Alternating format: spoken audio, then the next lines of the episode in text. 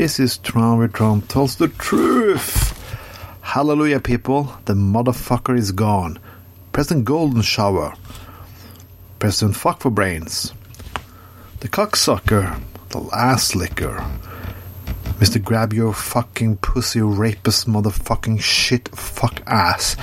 We are rid of him after four years. Well, America, thank you for four exhausting years. Thank you for four years that I will never fucking get back. Because people thought that Hillary was the same thing. Yeah, have you learned now, motherfuckers? Well, we haven't learned. Because the storm of the Capitol showed that things are getting worse. A lot worse. And it can be even worse.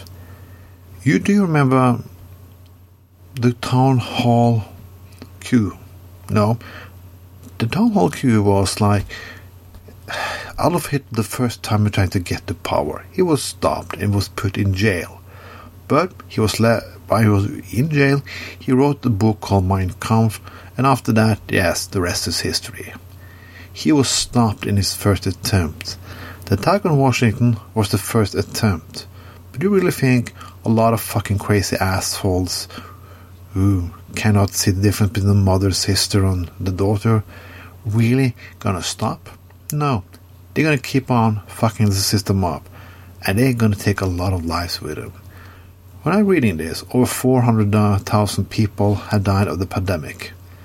Well, in the forefront, most democratic uh, beacon leader of the world, it died more people than anyone else country.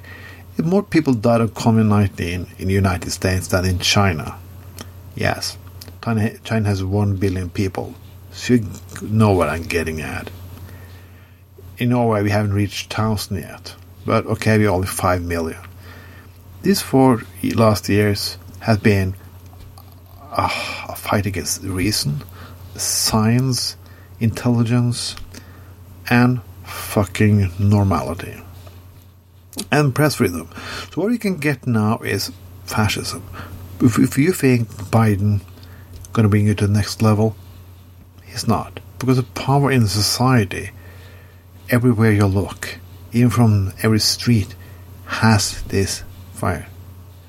What we have done for so much long, long time, people, is ignoring a lot of things. Yes, not able to talk to people for a long time. We we think we are. I don't know anymore.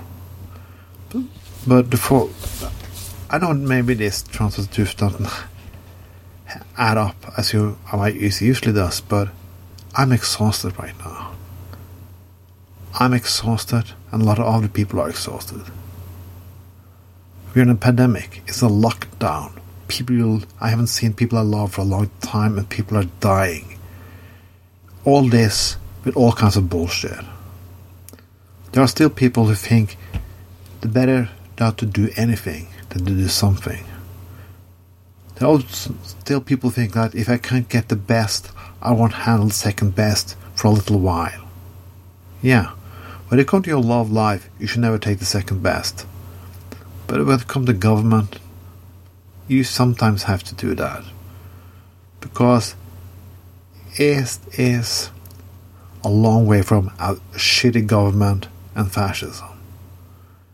I'd rather have a shitty government for four years than fascism for four years. Because a shitty government you can replace.